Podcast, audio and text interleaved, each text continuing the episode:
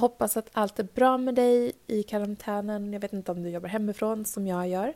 Eh, jag tycker ändå att det går ganska bra. Man börjar krypa lite på väggarna. Eh, jag försöker komma ut på en promenad i alla fall varje dag här. Men, men eh, det som känns härligt är att vi kan fortsätta att publicera podden varje vecka.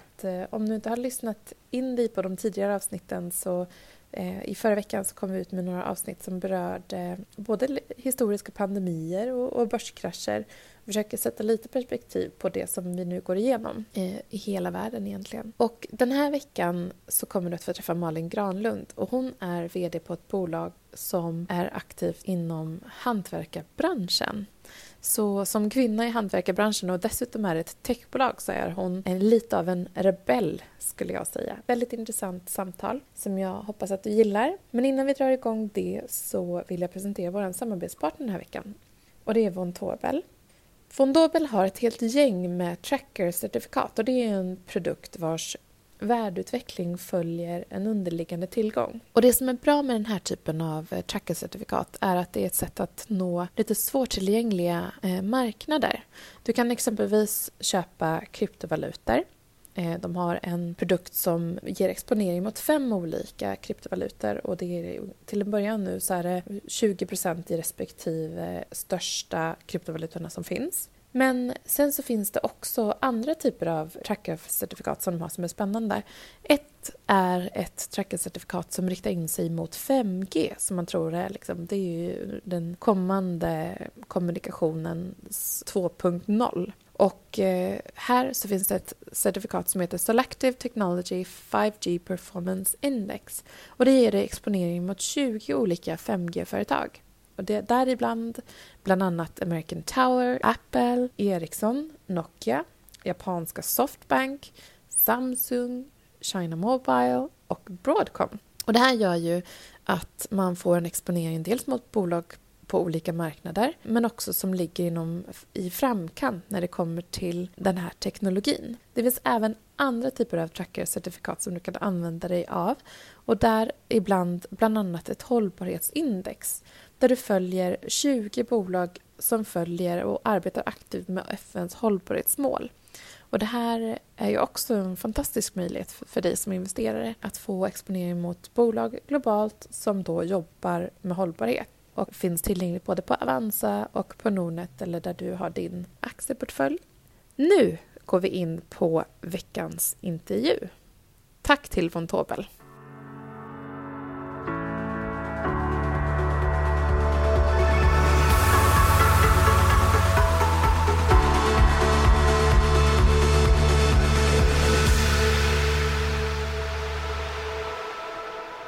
Den här veckans gäst är ingen mindre än Malin. Och eh, hon heter Granlund i efternamn och har startat ett bolag i en bransch som är ganska mansdominerad, måste jag ändå säga. Och dessutom startat en app eller jobbar inom tech, vilket också inte är helt... Det är inte jättemycket tjejer där. Så superglad över att eh, faktiskt den här veckan ha en intervju med Malin Granlund som är grundare till Done. Hantverksbranschen, vilken rebell du är! Ja, tack superkul att vara här! Du, hur började hela den här historien? Eh, den började med, om vi, vi backar med att jag ville starta eget bolag väldigt länge. Eh, jag har jobbat på, på startups de senaste 8-9 åren och varit med i startups som har vuxit och under tiden har jag hela tiden tänkt att jag vill starta eget men inte vetat vad och lite så här gått och väntat på att du vet när stora idén ska ramla ner från himlen och sen eh, var det istället något som heter Antler som ramlade ner från himlen. Som är en eh, VC-inkubator kan man säga eh, för entreprenörer för att starta bolag. Så jag hoppade på den och sa upp mig från mitt jobb utan egentligen riktigt veta var jag skulle starta eller vem jag skulle starta det med. Och det här programmet går ut på att undersöka och testa och validera eh, olika idéer och då eh, kom jag in på hantverkarspåret och började gräva mer i det. Så du har ingen bakgrund inom det? Jag personligen har inte det. Min familj är väldigt många elektriker, golvslipare, olika typer av hantverkare.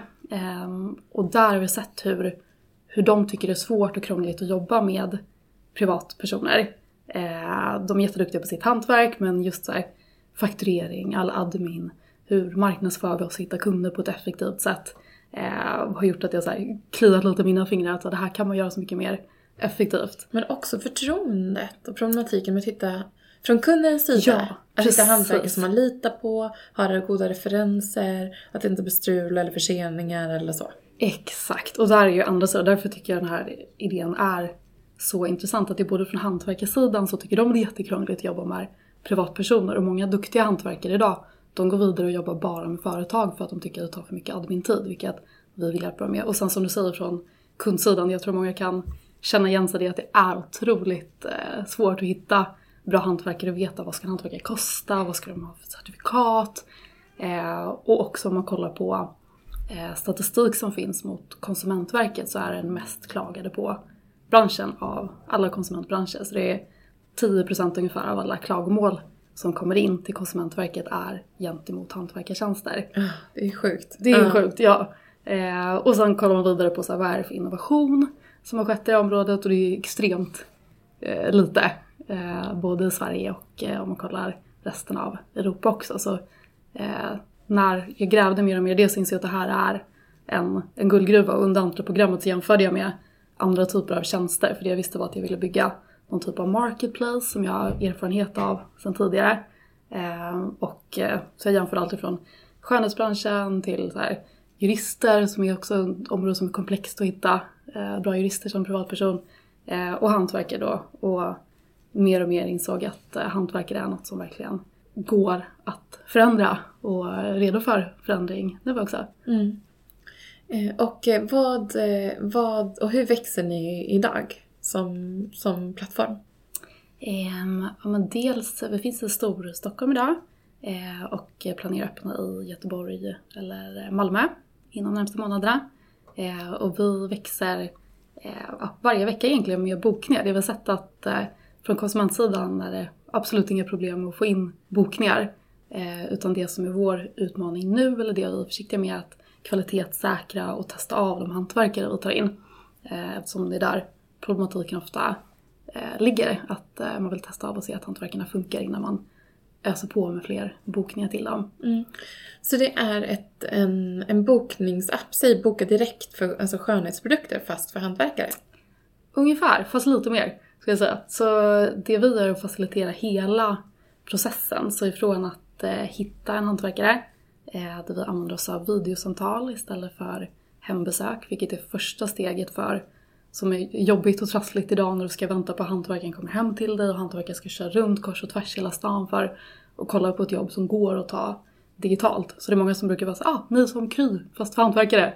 Och bara, visst, det går bra att säga det. Um, och eh, sen efter det så faciliterar vi egentligen hela vägen, vilket vi verkligen tror att man behöver göra när det här är en så pass komplex tjänst. Så att vi tar hand både om offertförfarandet och ser att det är marknadsmässiga priser. Vi har all kommunikation i appen mellan konsument och hantverkare. Och sen skickar eh, hantverkaren eh, fakturan i appen också. Så vi kan liksom följa hela processen och se att allt flyter på. Eh, Och som incitamentsmodell har vi då att vi tar betalt av hantverken när ett jobb är godkänt. Så att vi alignar våra in- incitament egentligen med att de faktiskt ska utföra ett, ett bra jobb. Och så betygsätter hantverkaren i slutet så att hela liksom, processen funkar. Och det som finns i dagsläget annars det är sådana eh, lite mer moderna varianter av Eniro där du bara får kontakt med hantverkare. Men sen är det upp till dig att kolla vad ska man ha för certifikat? Vad, vad säger tidigare kunder för något? Eh, Var prisnivån är rimlig? Eh, Är avtalet korrekt? Eh, Och hur eh, tänker ni expandera? Och hur ser ni liksom att, det, att ni kan expandera? Ja, vi vill först och främst få ett bra grepp i Stockholm. Eh, och sen så vill vi då ut i Göteborg eller Malmö som första steg.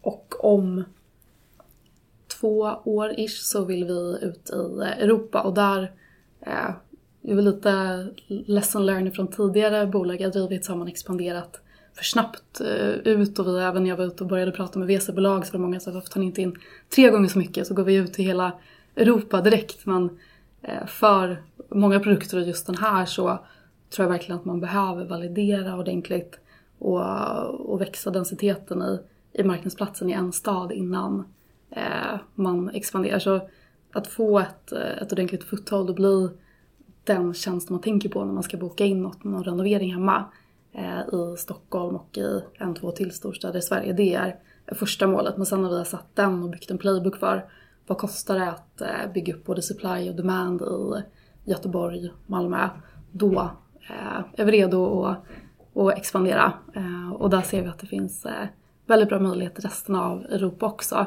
USA har kommit lite längre och har lite fler eh, plattformar som, eh, som innoverar mer kring hantverkarbranschen men resten ja, av Europa ja. är rätt öppet mål. Mm. Ja, spännande. Eh, du jobbar ju som vi nämnde initialt både inom tech och inom hantverk. Mm. Hur upplever du det att vara, att vara kvinna? Jag vet att jag tycker egentligen inte att man behöver fokusera så mycket på det för man kör på liksom. Men eh, ändå. Mm. Eh, men som du säger, det, i det så dagliga så tänker jag inte så mycket på det. Sen får jag lite aha-upplevelser ibland Där, någon gång när jag var och presenterade för ett WC-bolag och så inser jag jag är enda kvinnan här och det är tio eh, äldre herrar runt bordet eller någon gång när jag skulle ha ett möte så var det någon som råkade kläcka ur sig och oj jag trodde det skulle vara en eh, man jag skulle träffa som VD. Um, och jag bara nej, det tror du eller både mm. hantverkarbranschen och tech men en kvinna han bara oj jag menar inte så. Nej men exakt. men det är, man har förutfattade meningar så det är klart ibland slår den och likadant så är det de flesta hantverkare vi har är också män. Eh, försöker jobba för att få in fler kvinnor. Eh, ser att de framförallt är väldigt duktiga på kommunikation mm. I appen, vilket är något vi ser eh, annars är väldigt klagat på mot hantverkarbranschen. Intressant. Ja. Mm. Eh, hur hittar man till det då? Eh, man går in på Dan, söker på Dan i App Store eller Google Play, laddar ner appen. Eh, eller gå in på danservices.se så kan man läsa mer. Mm.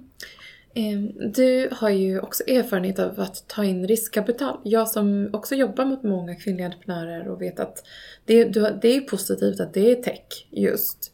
Och att det är, eh, ehm, ja men, liksom den här typen av transaktioner är ju attraktivt för många investerare.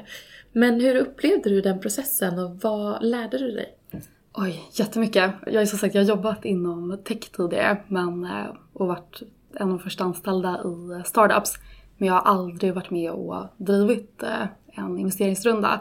Så delvis så, så började jag lite fel ända och var ute och pratade mycket med VC-bolag. Eh, vilka ville skynda på och ville att man skulle resa ännu mer pengar oftast och expandera väldigt snabbt och där insåg jag efter ett tag att eh, det var änglar som, som passade bäst i det skedet som vi är i nu men också att änglar var svårare att nå ut till upplevde jag när du inte har nätverket än VC-bolag som gärna tar möten och gärna tar två, tre, fyra, fem möten och, och minglar och vill veta attraction till nästa steg. Ehm, så där lärde jag mig att eh, säga nej och nu när vi har rest kapital och det är VC-bolag som hör av sig så brukar jag försöka säga att vi kan återkoppla igen när det är dags för nästa runda istället för att äta upp all tid i, i möten. Ehm, sen lärde jag mig också tyvärr att det är väldigt svårt att hitta kvinnor som eh, vill investera eller som eh, överhuvudtaget jobbar eh, med att investera i early stage techbolag. Det var någon gång jag satt och kollade på min lista av, av potentiella investerare och alla jag hade träffat och insåg att det var literally fler som hette Johan än kvinnor överhuvudtaget som jag hade träffat. Mm. Ehm, så det är tyvärr också en, en lärdom. Mm. Eh, har du gått på några nitar? Utöver det att du liksom gick på WC, men från en entreprenörs dagbok. ja, oj. Gud, jag måste tänka på den här lite. Ja. Eh, för jag tänker ofta att vi pratar mycket om framgångarna och hur fantastiskt det är, hur långt vi har kommit och vilken potential vi har. Men ibland så kan det vara bra att lyfta just med motgångarna att många kan känna igen sig och skratta åt kanske i efterhand saker ja. man går igenom. Ja men verkligen. Jag bara, det finns nog en lista om så jag tänker upp några. Ja. Nej men eh, en grej är väl, det jag upplever är största utmaningen när du är eh, en tidig startup är att hålla, hålla fokus. Det finns så otroligt mycket du kan göra och vill göra och du har begränsat med resurser och tid och, och pengar.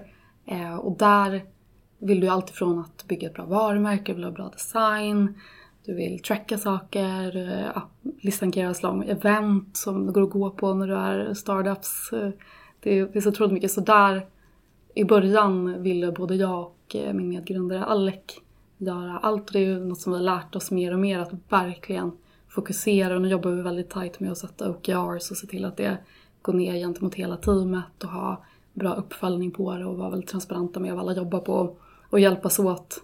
Jag brukar säga åt alla i teamet att gärna säga till mig när de tycker jag går iväg på saker som inte kopplas emot eh, OKRs så att man verkligen håller fokuset. Mm.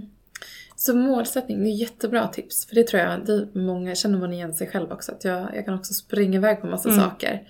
Eh, men att hålla sig fokus på det, mm. det som man gör och gör bra liksom. Och det Verkligen. som får bra resultat. Verkligen. Och det resultat man vill ha. Är det eh, liksom ett får du ett bra pris som konsument när du använder appen? Ja, det, det vi inte kan utlova det är att du får det absolut billigaste. Och det märker vi att det är många konsumenter idag som ens inte är ute efter att få det absolut billigaste. För du vill inte lägga ner den tiden på att jämföra utan vet du att du får en, en kvalitetssäkrad hantverkare, vet att du kommer, kommer flytta på, du har Dan i ryggen som har koll på kommunikation och avtal så är du villig att, att gå vidare trots att du kanske hade hittat något för en tusenlapp billigare om du jämförde jättemånga målare. Eh, sen tror vi på sikt att vi faktiskt kan pressa priserna och bli billigare än de flesta på marknaden när vi kan optimera vardagen för hantverkarna.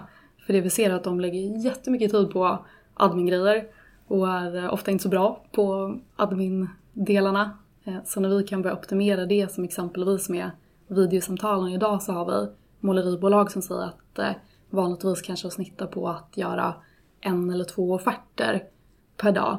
Men när de sitter och tar dem via, via video istället så kan de komma upp till sju, åtta offerter mm. på en dag. Eh, så genom att effektivisera deras arbete, optimera och se vilka delar i Stockholm exempelvis tar de jobb, har de några målerijobb på Östermalm så ser vi till att optimera att de har fler jobb inom det området. Så desto mer vi kan jobba smart och optimera deras vardag så uh, tror jag starkt på att vi kommer kunna pressa ner och faktiskt uh, erbjuda riktigt billiga priser jämfört med andra aktörer. Mm. Bra svar. Det är många som jag tror tänker, och jag har kommit i kontakt med många entreprenörer som vill bygga en app och jag har till och med träffat många som vill ta in kapital för att bygga en app eh, väldigt tidigt liksom. Eh, vad är dina tips där runt hur man ska tänka? För jag kan ibland ge feedback att, vet du vad, försök att alltså, bygga, börja bygga någonting själv. Ja, det, och det hållet skulle mitt tips vara också. Nu grundade jag bolaget med en skulle jag säga, Sveriges bästa apputvecklare. Eh, så jag var jättelucky i det att han kunde bygga upp den. Men jag har gått på nitar i tidigare bolag där vi har outsourcat eh, utvecklingen, tagit in kapital och outsourcat apputveckling, vilket jag verkligen inte rekommenderar att göra. Eh, tappa kontrollen och det är svårt om du inte är erfaren att skriva korrekta spesar för appen och bygga en app är väldigt dyrt. Också bygga en ordentlig app kostar kring en miljon och vet du inte exakt om marknaden är redo för eller kunderna kommer ta emot den så kan det bli otroligt eh, slöseri med, med kapital. Så jag skulle också säga försök bygga en eh, minimum viable product kanske. Hitta en co-founder. Hitta en co-founder som kan bygga eller ta fram något väldigt basic och börja testa marknaden innan.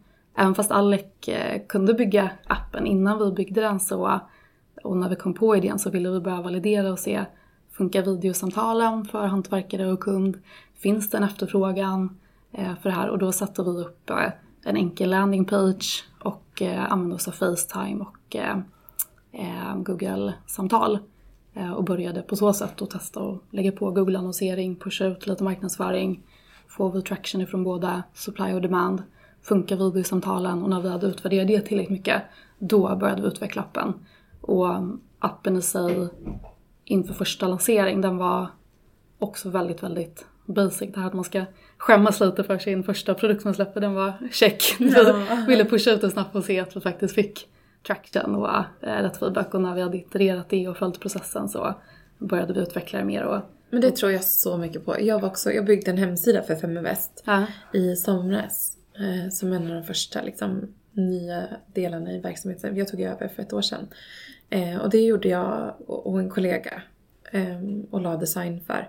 Och det blir ju så bra som det blir när man Mm. inte har rätt kompetens för uppgiften. Men man måste gräva där man står. Liksom, i, och jag vill visa att det är så man gör. Alltså det, då blir det bra. Mm. Verkligen, och då kan du testa det emot marknaden. Det är Exakt. var likadant. Jag startade i, när jag bodde i Australien, i Melbourne för, blir det nu tio år sedan ungefär, en prenumerationssida på tamponger. Och då var likadant där att eh, byggde upp en landingpage på någon dag och började marknadsföra bara för att se hur tar, hur tar marknaden emot det här? Är det några som bokar? Great, då kan vi investera mer i det. Mm. Ehm, ja men för det tror jag, precis som du säger, många tjejer kanske är, och killar också för den delen, men jag kommer ju i kontakt med tjejer i och med att det, jag jobbar mot den kvinnliga målgruppen. Och de kommer att ta kontakt eh, i ett för tidigt stadium. Eh, många har en liksom, väldigt stark vision för vad man vill leverera. Men, och så här, ja men det är den här fantastiska produkten, det är det här klädesplagget eller det är den här eh, liksom, boken eller det är den här prylen. Mm. Men man tänker inte det affärsmässiga från en investerares perspektiv. Att ja, du är rätt person för att ta den här fantastiska prylen, boken, vad det nu må vara, till marknaden.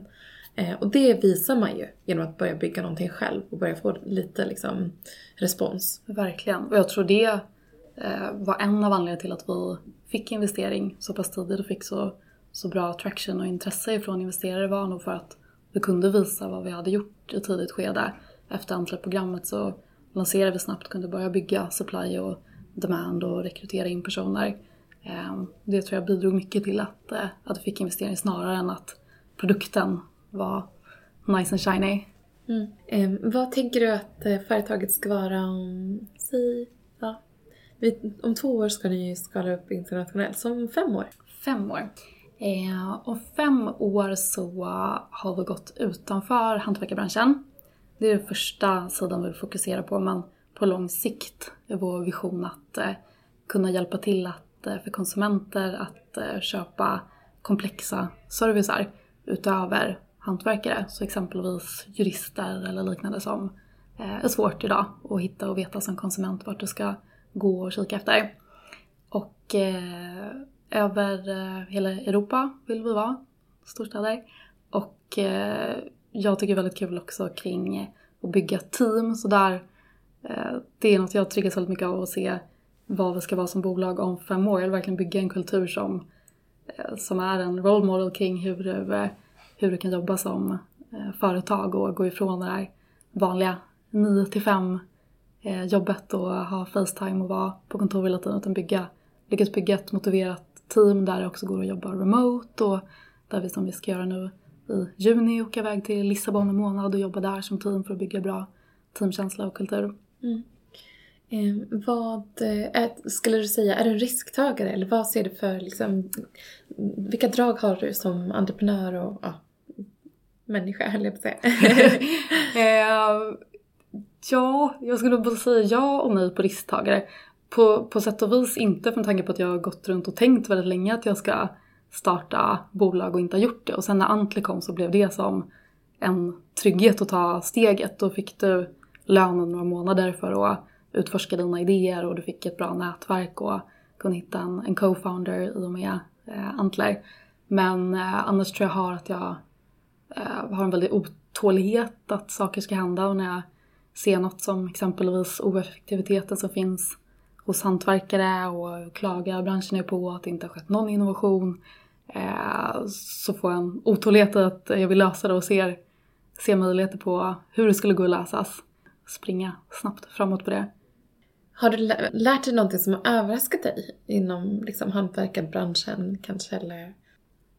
Ja men lite kan jag tror att det är många delar men delvis att eh, jag tror mina förutfattade meningar innan var att hantverkare inte ville eh, hålla bra kommunikation eller var slarviga av ren nonchalans ibland. Men eh, vi har exempelvis eh, månatliga hantverkar-meetups nu eh, för att hålla utbildning om till exempel kommunikation med kunder och liknande. Och det finns så otroligt engagemang kring hantverk att de vill lära sig hur de har bra kundkommunikation. De vill lära sig att eh, skriva bra offerter och hur de kan konvertera mer och liknande. Och framför allt att det är en stor ny generation av hantverkare som kommer. För det är många när vi är ute och pratar som är så ah, men, Bertil, 70, 70 kanske inte jobbar längre, 60, mm. han ska han verkligen använda en app och de har väl sina kunder men nya gardet av, av hantverkare som kommer, de är digitala, de vill försöka marknadsföra sig digitalt och liknande på Instagram och med Google-annonsering och liknande men det är inte deras core-kompetens och då ser de oss som ett bra verktyg att kunna nå ut digitalt på ett smartare sätt till kunder och hålla koll på ett annat sätt än förr i tiden när de skrev ner namnen i en liten filofax på vart man skulle någonstans. Mm.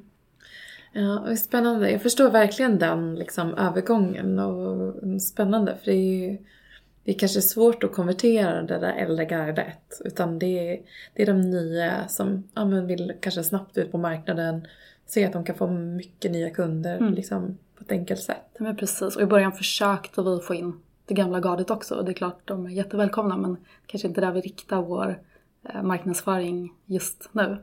Mm. Vad, har du någon så här härlig historia eller på någon, någon kund eller någon hantverkare eller någon, ja. någon glad kund eller?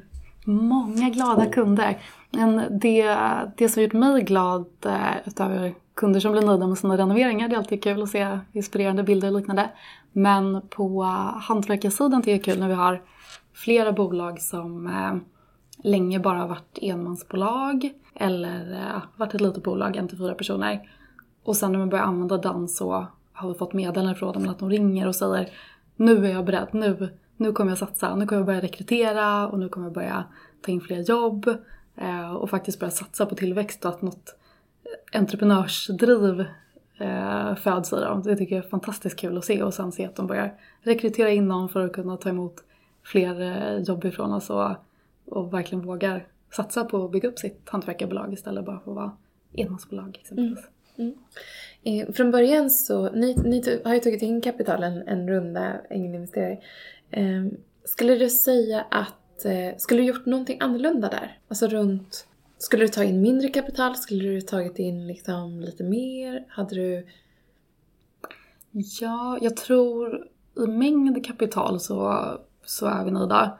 Och där eh, fick vi sagt jättestort intresse och sa nej till många också och funderade, ska vi ta in mer eller inte? Ehm, så man in i kapital och bra. Snarare tror jag komprimera tiden vi var ute och reste kapital. Att göra det mer, eh, mer strukturerat i, eh, när vi tar möten, försöka så långt det går komprimera alla möten under en, två veckor och eh, skicka ut uppdateringar till alla. Nu blev det väldigt mycket separata möten och separata uppdateringar vilket eh, äter mycket tid. Jättebra tips. Vad eh, tycker du att ja, men, ängelinvesterarna, hur hittade du dem liksom? Och hur, eh, vad tyckte du att... Eh, vad, ja, ville, vad frågade de efter? Ja, det var väldigt olika vad de frågade om faktiskt. Det var lite beroende på vilken typ av bakgrund de har. De som har mer finansiell, någon CFO-liknande bakgrund, de ville gräva i budget och andra som var mer mot marknad ville kolla på market dynamics och hur kan vi bygga supply och demand, vilket är största utmaningen i en marketplace att lyckas med både supply och demand samtidigt. Men eh, med hur vi hittade dem så var det väldigt blandat med kalla mejl eller försöka se, är det någon som känner den här personen som hade varit relevant? Kollade på vad, vad för typ av profil vill vi ha in? Vi ville bland annat ta in några ifrån industrin eftersom att ingen av oss har erfarenhet eh, av hantverkarbranschen direkt så ville vi få in några från industrin och eh, gjorde en targetlist på namn och försökte nå ut till dem och bad folk göra introduktioner som eh, var kopplade till dem och på så sätt fick vi rullians där vi fick in ett namn först och sen så kunde den personen introducera oss till fler. Och sen något som var förvånansvärt var de startup-event som finns. Sweden Demo Day och Stockholm Tech Fest. Det trodde väl jag kanske inte skulle ge jättemycket men de sådana speed dating-möten och liknande som vi höll där, det gav jättebra kontakter. Så det var på något sätt som att först börja kallt med att nå ut till folk med kalla mejl och kontakter och sen när vi väl fick in våra kontakter då kunde man spinna vidare på dem och fråga om de hade relevanta kontakter. Vilket var något jag inte gjorde i början så det är väl också ett tips att hela tiden kolla när du har fått, fått in en person som tror på dig att har du någon som du tror vore lämplig och när du väl har någon som introducerar dig till någon och redan har investerat själv så är det betydligt enklare att få den personen så med också. Så är det verkligen. Jättebra tips. Men du, lycka till och ni kommer att ta in fler runder framåt. Det kommer vi. Om ungefär ett år så kommer vi resa eh, nästa runda. Mm. Och eh, vad, hur många runder tänker du att ni kommer behöva innan ni är liksom up and running helt och hållet? Det är en jättesvår fråga. Eh, om jag tror två eller tre, om man kollar till stora runder till skulle jag tro. Du har ju drivit det här bolaget nu tillsammans med Alec under en period. Vad för utmaningar har ni stött på? Ja, vi har framförallt haft eh, en stor utmaning samtidigt som vi tog in investering, eller egentligen samma dag som vi hade likviddag för eh, investeringen så fick eh, Alec ett plötsligt hjärtstopp. Som man inte vet vad det beror på. Och det var ju såklart ett trauma för för båda och gjorde att vi var tvungna att... Alltså det låter helt uh, otroligt. Ja, det var fruktansvärt. Vad och hemskt. eh, jag var med honom som tur var. Annars är det 3% överlevnadsgrad på hjärtstopp. Eh, och varje minut som går så eh, sänks chansen att överleva med 10%. Så det var ju bara super, super tur att jag var med honom och har gått någon sån hjärt och lungräddningskurs när jag simmade förut och, um, och kunde larma. Så det gick bra med honom och han mår bra idag. Um, Men det gjorde ju att vi var tvungna att, att sitta ner och kolla på hur gör vi om planen nu. Planen var när vi hade stängt investeringen, vilket då var samma dag, att börja rekrytera produktteam, börja satsa på growth. Vi hade ju hela liksom investeringsrundan säkra då, men då istället eh, så var jag tvungen att sätta mig ner med listan, ta en dag och ringa alla investerare. Han måste ha blivit sjukskriven en längre period. Han blev sjukskriven. Först var han ju på sjukhus och först i början låg han i respirator och eh, läkarna var så att det kanske, han kanske inte kommer vara sig själv när han vaknar. Ehm, och eh, Hur lång tid tog det innan, alltså från att det hände? För du, ni stod bredvid varandra typ? ja. Eh, menar du tills, eh, Tills han kom till sjukhuset? till sjukhus? Det gick jättefort. Det var polis som var faktiskt där eh, först med defibrillator som de använde för att kicka igång hjärtat. Och det tog väl nio minuter. Och sen så var han ja, på sjukhuset 20 minuter efter eller något. Och så var han på sjukhuset i lite över en vecka.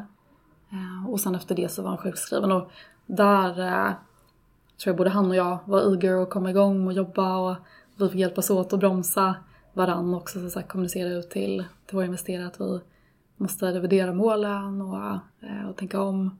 Och, eh, Men upplevde du att det fanns en oförståelse eller var alla förstående? Nej, alla var förstående. Jag var jättenervös när jag skulle ringa och var nervös vad de skulle säga. Nu byter vi ut Alec eller någonting. Men, och preppade hur jag skulle kommunicera att vi behöver sänka takten lite kommande eh, veckor tror jag jag pratade om. Men det blev snarare månader. Eh, alla var jätteförstående. Mm. Eh, och det på något sätt skönt att bara inse alla är, alla människor. Och, ja. Mm, så viktigt. Och när man har mycket ambition och jag tror hjärta och ambition i kombination. När man, liksom, man känner väldigt mycket för Mm. någonting. Och man, för så känner jag med Feminvest också. Eh, nu när jag har liksom kommit in i det så har jag så mycket ambitioner men också väldigt mycket hjärta och känslor Mm. kopplat till det. Gud, ja. Och vill inte misslyckas och sådär. Eh, och att eh, det är faktiskt så att hälsan är det absolut Mm. viktigaste. Mm, men verkligen. Och jag tror på sätt och vis så var det nog en bra... Det var inte en bra grej som hände, men du vet, allt dåligt kommer alltid med något gott också. Och båda vi har ju varit sådana, jag liksom har varit väldigt drivna i karriären innan och jobbat väldigt hårt. Och jag tror det här kan ha varit en bra väckarklocka, även fast inte hjärtstoppet i sig var stressrelaterat. Men att tänka över hur vi jobbar återigen det här. Vad ska vi fokusera på? Vad kan vi... Jag tror uttrycket vi använder mest nu för tiden på kontoret är kill our darlings. Vad kan vi stryka från listan? Vad kan vi ta bort? Även fast det är svårt om man vill göra allting. Så vad kan vi prioritera bort från listan så att vi håller fokus på rätt saker och att vi faktiskt hela tiden checkar av. Så känner man glädje för det man gör? Eh, har man kul i det man gör? Det är därför vi bygger eget eh, bolag. Mm. Kul, jätteroligt att ha dig här. Lycka till Tusen tack! med alla utmaningar. Att bygga bolaget, trippen till Lissabon. Stort tack för att du delade med dig, verkligen. Och eh, all lycka vidare.